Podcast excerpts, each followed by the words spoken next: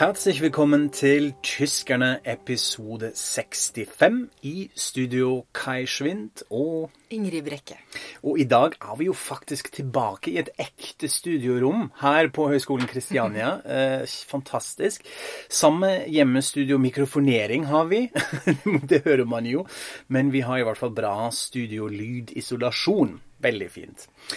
Vi skal snakke om helgens store hendelse, nemlig antikoronatiltak-demonstrasjon i Berlin. Og vi skal se på et par grønne ord i ordspalten.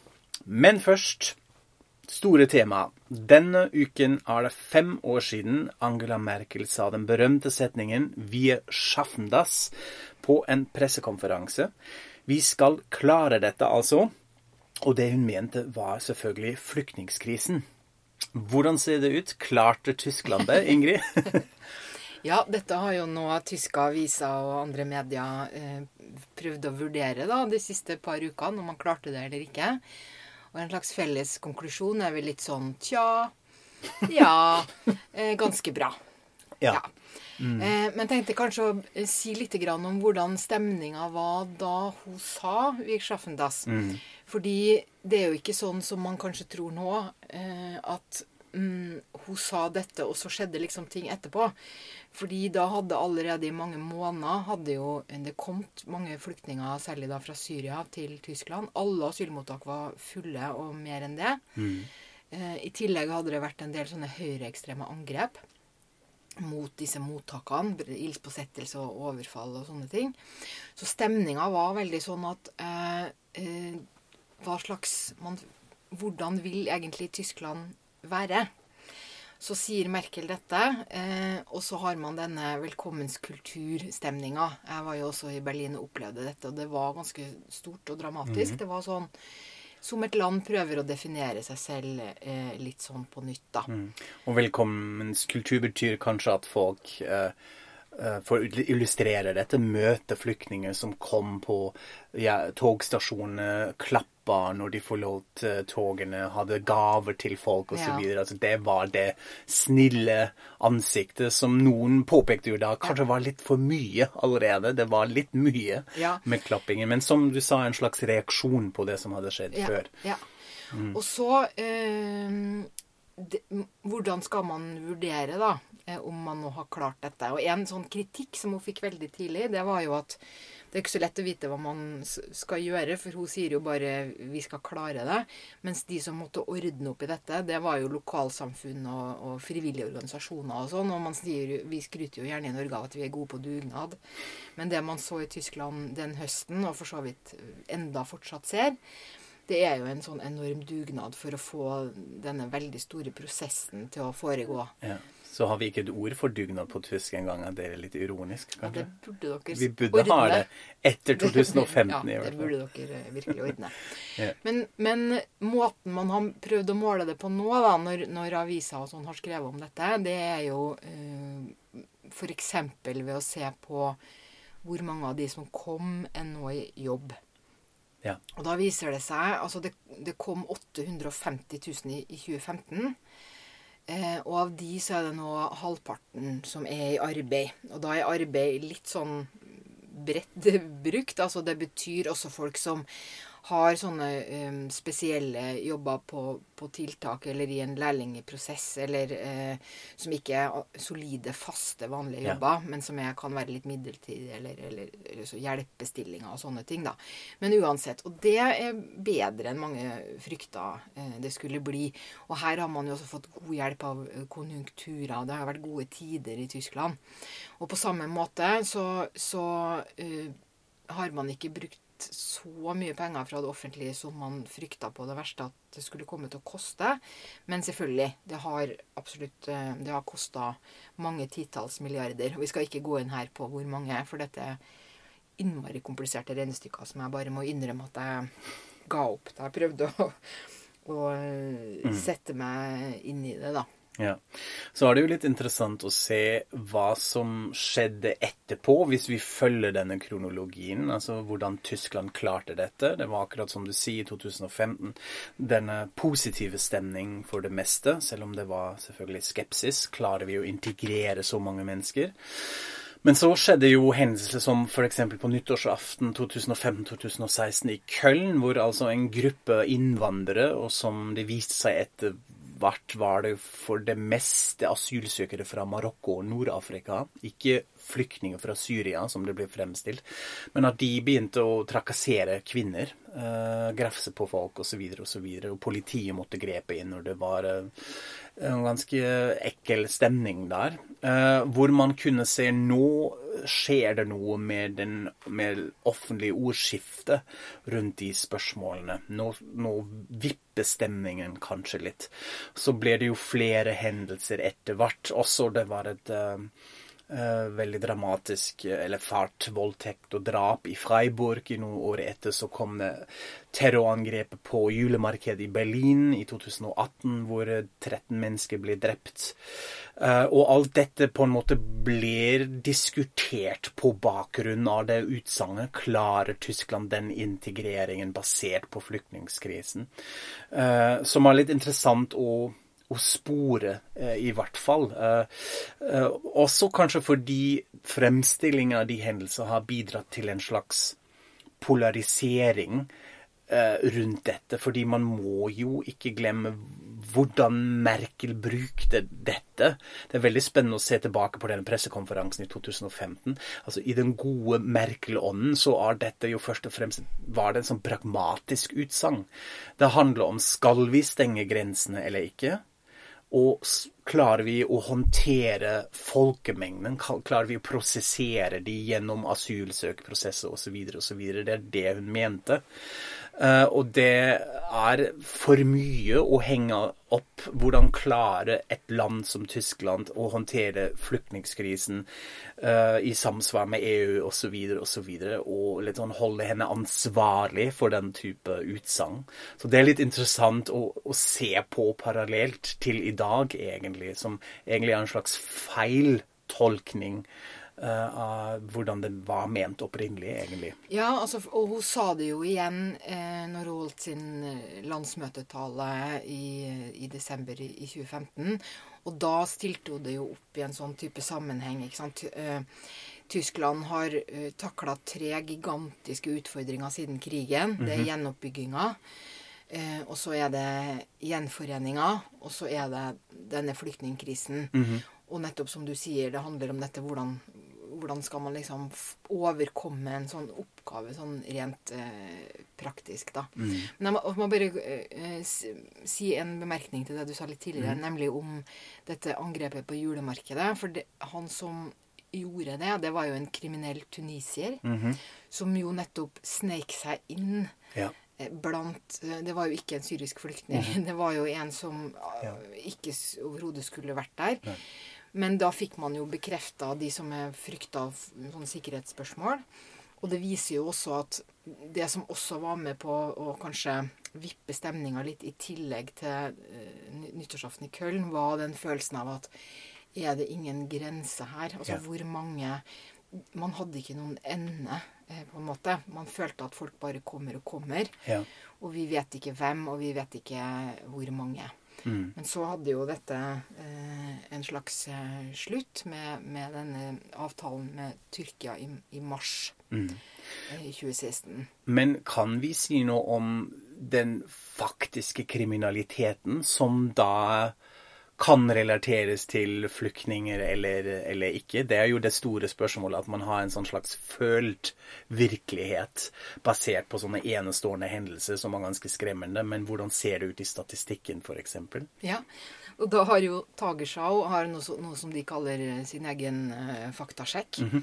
Og de har uh, lagd en veldig god og grundig artikkel hvor de spør akkurat om dette. Hvordan gikk det med kriminaliteten i sammenheng med flyktningkrisen? Og overskriften er da 'Ingen borgerkrig, men problemer'. Mm -hmm. eh, og så viser de hvordan eh, og, og, vi skal legge ut denne på vår Facebook-side. Den er veldig god. Eh, og eh, i det store og det hele så er det sånn at tysk, altså kriminaliteten i Tyskland helt generelt er på en sånn lang nedadstigende kurve eh, som går over liksom tiår. Eh, og den fortsetter, på en måte. Men du kan se at den har en sånn blipp, da. I, Det er vel 15, 16 og 17 særlig. Eh, og det kan du også se når det gjelder drap, som bl.a. har med denne terrorhandlinga på julemarkedet å, eh, å gjøre.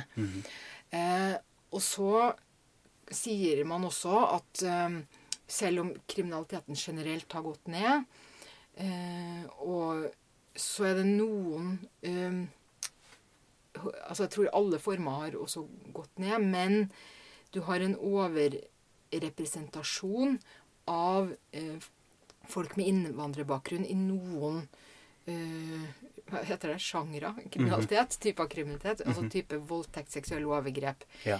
eh, drap og vold, tror jeg det er. Og der kan man se at, at det er en viss overrepresentasjon. Og så kommer igjen en forklaring på det, er at eh, unge menn er over, ganske mye overrepresentert i innvandrerbefolkninga, s- og særlig da blant de som kom som flyktninger. Og også tyske unge menn er overrepresentert.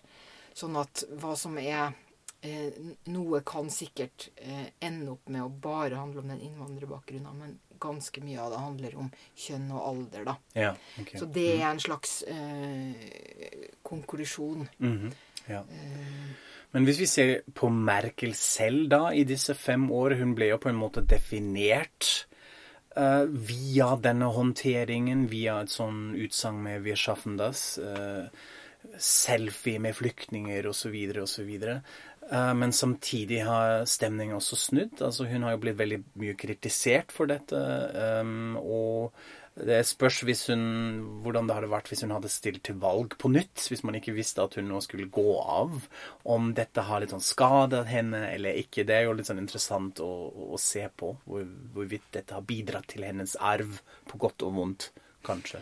Ja, det er jo veldig vanskelig å vite, fordi man havner jo fort i sånne kontrafaktiske historiefortellinger. ikke sant? Man vet ikke Altså, hva hadde skjedd? Altså, Man sier gjerne at én motivasjon for eh, både flyktningepolitikken generelt, men ikke minst den veldig omstridte grenseåpninga eh, da de folka som satt fast i Ungarn, fikk komme eh, fire dager etter denne pressekonferansen. Ja.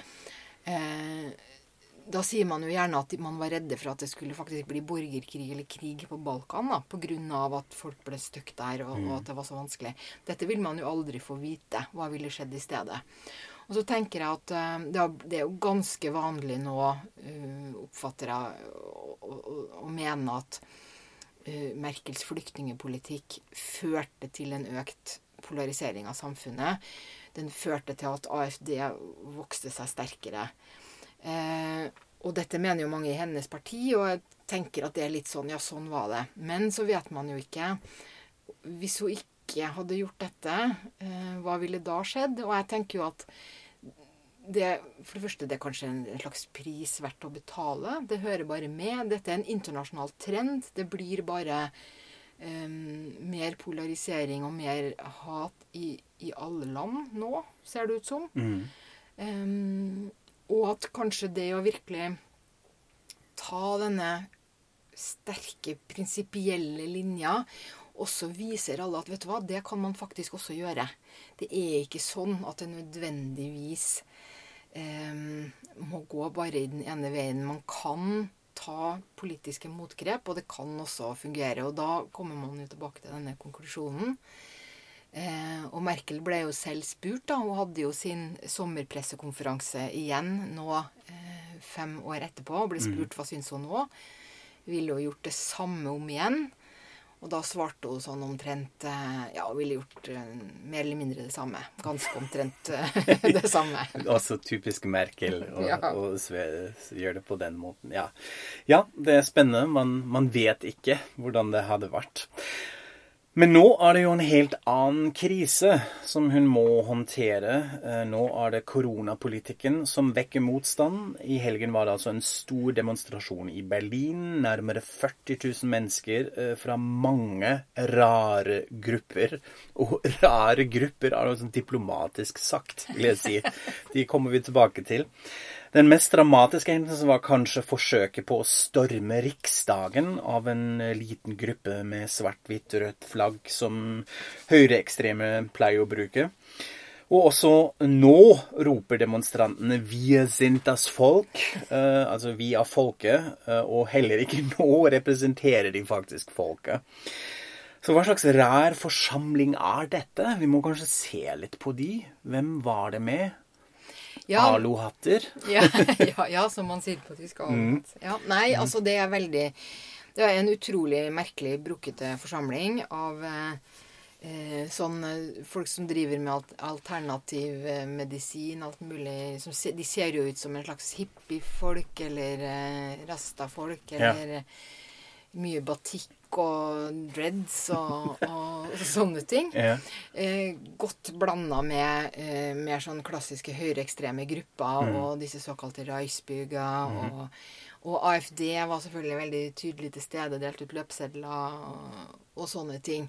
Ja. Så virkelig en slags sånn um, salig eh, blanding, da. Mhm.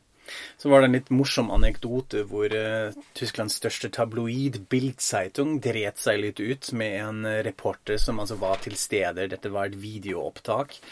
Uh, og da var han omgitt av en gruppe med Hare Krishna-folk som hopper og danser rundt han. Og så sa han ja, og så er det her en gruppe som antageligvis hyller en person som heter Harry Krishna. Jeg vet ikke helt hvem det er, men jeg ble fortalt at det er en ganske viktig person. Eh, Så gikk det viralt, selvfølgelig, og han ble mobbet og gjort narr av, og det kan man jo kanskje være litt enig i. Men så altså, Hari Krishner, eller Hari Krishna-folk var også med. Også Attila Hildmann, som vi har snakket om i podkasten her, altså en sånn uh, vegan kokk som ble til konspirasjonsteoretiker etter hvert, og som har virkelig fått en ganske ekkel og aggressiv utvikling. Han ble arrestert. Og også Ken Jepsen, eh, en annen. Um, han ble ikke arrestert, men han var med og talte. En annen konspirasjonsteoretiker eh, som har sin eget YouTube-kanal, masse følgere da. Også litt interessant, eh, som pleier å eh, argumentere veldig mye imot eh, munnbind, altså masken hans. Bort med maskene, som han sier. Men så fins det altså filmopptak hvor han selv har på masken, altså munnbind, når han går fra scenen. Han er vel litt engstelig, da. Absolutt, og litt hyklersk, da. Så det er veldig interessant. Er sånne eh, folk ja, som, som var med. Men eh, det var kanskje en spesiell rastafari-kvinne som eh, hadde noe å gjøre med denne ganske dramatiske hendelsen, da. Ja, for det var jo utrolig rart å se, ikke sant? Altså, du har disse Reisburger-flaggene, disse røde, rød, svart, hvite Mhm. høyreekstreme flaggene som kommer helt opp på trappa foran riksdagsbygningen. Og hvem er det som står og skriker og roper eh, 'storm', vi skal storme riksdagsbygningen? Jo, det er en sånn herre ganske ung kvinne med lange dreadlocks. Og hun er da en heilpraktikerinn, altså en eh, Jeg vet ikke helt hva man sier på En norsk. slags healer. En slags healer. En, en som driver med alle former, alle mulige former for alternativ Ja, behandling. er mer, mer det enn Snåsamannen. Altså Ja. ikke litt sånn eh, um, trollmann, men mer sånn at man eh, kan alt mulig. Ja. Uh, potions og urter og sånt. Og jeg har da tatt med meg et, en uskrift av den uh, lille talen hun holdt. da. Jeg skal Oi. ikke lese hele, men det er altså helt utrolig. Han, hun, hun har en mikrofon, og så eh, roper hun ut at i dag så skriver vi verdenshistorie. Um, og nå eh, gjelder det at vi liksom holder sammen og er mange, mange. Um, og vi skal ta det vi har rett til. Um, vi skal styrte denne fake regjeringa. Donald Trump, president Donald Trump har landa i Berlin. Ja. Uh, og nå skal det bli verdensfred. Fred. og dette er sånn eh, Reisbürger-prat. Altså, De har en slags eh, tanke om at Tyskland er fortsatt en okkupert, eh, en okkupert nasjon. At andre verdenskrig liksom aldri ble ferdig med. Og at det man trenger for at det skal bli ferdig og Tyskland skal bli fritt, det er at Russland og USA skal undertegne en slags fredsavtale da, og trekke ut alle styrkene sine. Amerikanerne har jo fortsatt noen styrker, da. Og det er jo litt sånn interessant. Det er jo kanskje hun nettopp litt symptomatisk med denne merkelige blandingen mellom esoterikk og høyreekstreme.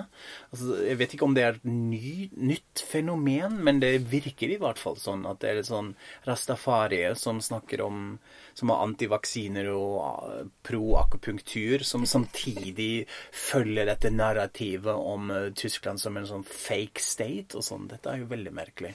Ja, og det tenker jeg jo Det har jo vært en del eh, kommentarer som har tatt for seg akkurat dette. Er ikke dette helt forskjellige grupperinger? Mm. Hvordan kan det ha noe med hverandre å gjøre? Mens i virkeligheten, altså hvis man går tilbake i tid og sånn, så har det jeg kan kanskje ikke si alltid, da, men også, eh, også før krigen og, og, den gangen Altså før nazismen ble like eh, velorganisert. Mm den type ytre høyre-tenkning har eh, gått hånd i hånd med en viss sånn esoterikk og alternativ tenkning mm. hele veien. Og man kan se det. Jeg har sjøl opplevd uh, hvordan Eh, jeg var i en eller annen sånn liten kommune den gangen NPD, altså Nazipartiet, fortsatt satt i kommunestyret. Og da var de veldig opptatt og veldig for eh, vindmøller. Mm -hmm. Og de er veldig opptatt av miljøvern. ikke sant? Og dette handler om sånn jo, Den tyske jorda skal være rein. Ja. Så blir jo neste kropp kroppen skal være ren, og så har du det på en måte gående. da. Mm. Og det betyr jo selvfølgelig ikke at, at alle som er alternative, høyreekstreme, eller at alle høyreekstreme er alternative, men det betyr at det vi kanskje bare ved å se hvordan folk ser ut, så tenker vi at det er en motsetning. Ja. Det er antagelig ikke en motsetning. Mm. Og så har det jo også blitt ganske stor debatt nå om eh, Eh, ja, ja, men det var bare noen få som var nazi, og vi mm. andre var jo ikke det. Og så er det sånn Men hva når man faktisk demonstrerer sammen med nazis, da er man vel en slags nazi, eller? Og det er jo også nettopp sånn politikken har begynt å svare på dette. Altså Frank-Walter Steinmeier, eh, bondespresident, som har sagt nettopp det. Eh, nå finnes det egentlig ikke noe unnskyldninger. Man kan være imot koronatiltak, men hvis du marsjerer side ved siden av nazister, så, så, gjør du det. Da er det et valg du tar. Og det er jo litt interessant å se. Altså alle store politiske partier har egentlig uttalt seg. De har fokusert mest på denne stormingen av Riksdagen i anførselstegn. Eh, Grønnpartiet har sagt at dette var ganske skremmende og sånn.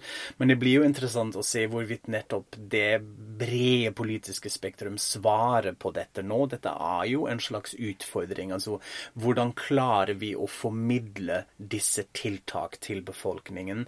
Uh, man har snakket om den krisen som, mar som et maratonløp, som er noe annet enn en sånn kort hendelse, så er vi ferdig med. Så da ligger jo en, en utfordring, hvor man også utfordrer kanskje de politiske ideologiene. Uh, og igjen den federalismen i Tyskland, disse delstatene med ulike tilgangsmåter, tilnærminger, det er valg snart, uh, ulike muligheter til å profilere seg, søde Bayern, Laschet i Nordrhein-Westfalen osv. osv. Så, videre. så jeg får jo også, som man gjør, det er lett å gjøre narr av de demonstrantene. Det er også helt koko crazy idioter som er med. Men samtidig sitter man igjen med et slags med inntrykk at vi er på et slags vippunkt akkurat nå. Nå, gjelder, nå, er det litt avgjørende hvordan vi bygger veier for å håndtere dette videre. Ja, for det er jo noe altså Uansett hvor ekstreme og gærne og rare disse folka virker, så tenker jeg at Eh, de er kanskje også et slags uttrykk for en uro. Ja. Eh, det er samme type uro som når man holder disse illegale rave-parties og sånn. ikke sant? Man vil bare ha en liten pause, man vil bare slippe unna. Man holder ikke helt ut. Vi takler ikke helt uh, dette. Mm. Og det er det jeg ofte tenker på når man kanskje inntar et slags metaperspektiv på det hele. At det er så påfallende og interessant at vi som samfunn ikke har et slags skript for å håndtere usikkerhet på alle ledd, på alle nivåer. På politikken, i samfunnet selv, eh, i mediene. Hvordan klarer vi å snakke om det vi ikke helt klarer å forutse? Så viser det også selvfølgelig til hvor privilegerte vi har vært. Altså, dette er jo sammenlignet med andre land. Eh, ikke så store omveltninger, også når vi tenker på dødsfall osv. Men ja, OK, nå må vi ta på oss munnbind på busser, og nå har kino er stengt, og selvfølgelig er det en stor økonomisk utfordring. Men samtidig uh, har vi ikke en slags plan for dette. Og det å håndtere usikkerhet, formidle usikkerhet, spesielt det som politikerne prøver å gjøre, det er den store utfordringen. Og så er det dette hvordan vi mennesker er, hvordan vi reagerer på det. Det som du var litt inne på nå med de illegale raves og sånt. Jeg må alltid tenke på en, en britisk filosof og sosiolog sosiolog som heter Simon Blackburn, som har eh, skrevet om mennesker som etiske dyr, som jeg syns er et sånn morsomt begrep, hvor han bl.a. sier det er i menneskens natur og har et slags barnslig motreaksjon mot regler og normer. Altså Med en gang man blir fortalt hva man skal gjøre, så kommer man å reagere imot. Nei, det skal vi ikke! Korona fins ikke! Jeg vil ikke ha på meg munnbind! Og dette er også nå en slags kartlegging igjen om hvem vi er som mennesker, som også jeg tror politikken og samfunnet generelt må ha litt bedre svar på. Altså, du må på en måte finne dette en slags mellomvei hvordan man håndterer dette. Man ha, må ha en forståelse for hvordan mennesker reagerer, men samtidig også kanskje bli ganske tydelig og klar i formidlingen så vidt man kan dette. Så det er en ganske spennende case-studie her, egentlig, som vi er midt i. Ja. Og Kanskje er det også litt sånn eh, Man må ha det, de, de tankene du delte nå, litt sånn i bakhodet når man skal i media også vurdere hvor høyt skal man prioritere dette. Hvor opprørte skal vi alle bli, da. Og i morges så hørte jeg jo vår, eh, vår stadige helt Stefan Detjen, altså politisk journalist i Deutschlandfunk, som eh, Han var egentlig inne for å diskutere Bør det, være, bør det settes opp en sånn såkalt bannmile rundt forbundsdagen? Altså bør det lages et stort inngjerda område for å beskytte forbundsdagen? er en diskusjon nå etter ja. dette. Og hvor han bare sa vet du hva, jeg syns at vi overdriver veldig nå. Altså, ja, det var 300 som kom seg opp på trappa og satt der med disse flaggene sine. Det var ikke helt uh, bra uh, den stunda det var bare tre politifolk der. Mm. Men de fikk forsterkninger. Og hele forbundsdagen var hermetisk lukka. Ingen kom seg inn. Ingen ble ordentlig skada. Altså, hvor forferdelig alvorlig eh, var nå egentlig dette? Og kanskje er det til syvende og sist demonstrantene som tjener mest da, på all denne politiske opphisselsen. Mm, absolutt. Så kan man jo legge til ett argument som uh, mange av de antikoronatiltakfolkene pleier å si, at det ikke er lov å si min mening.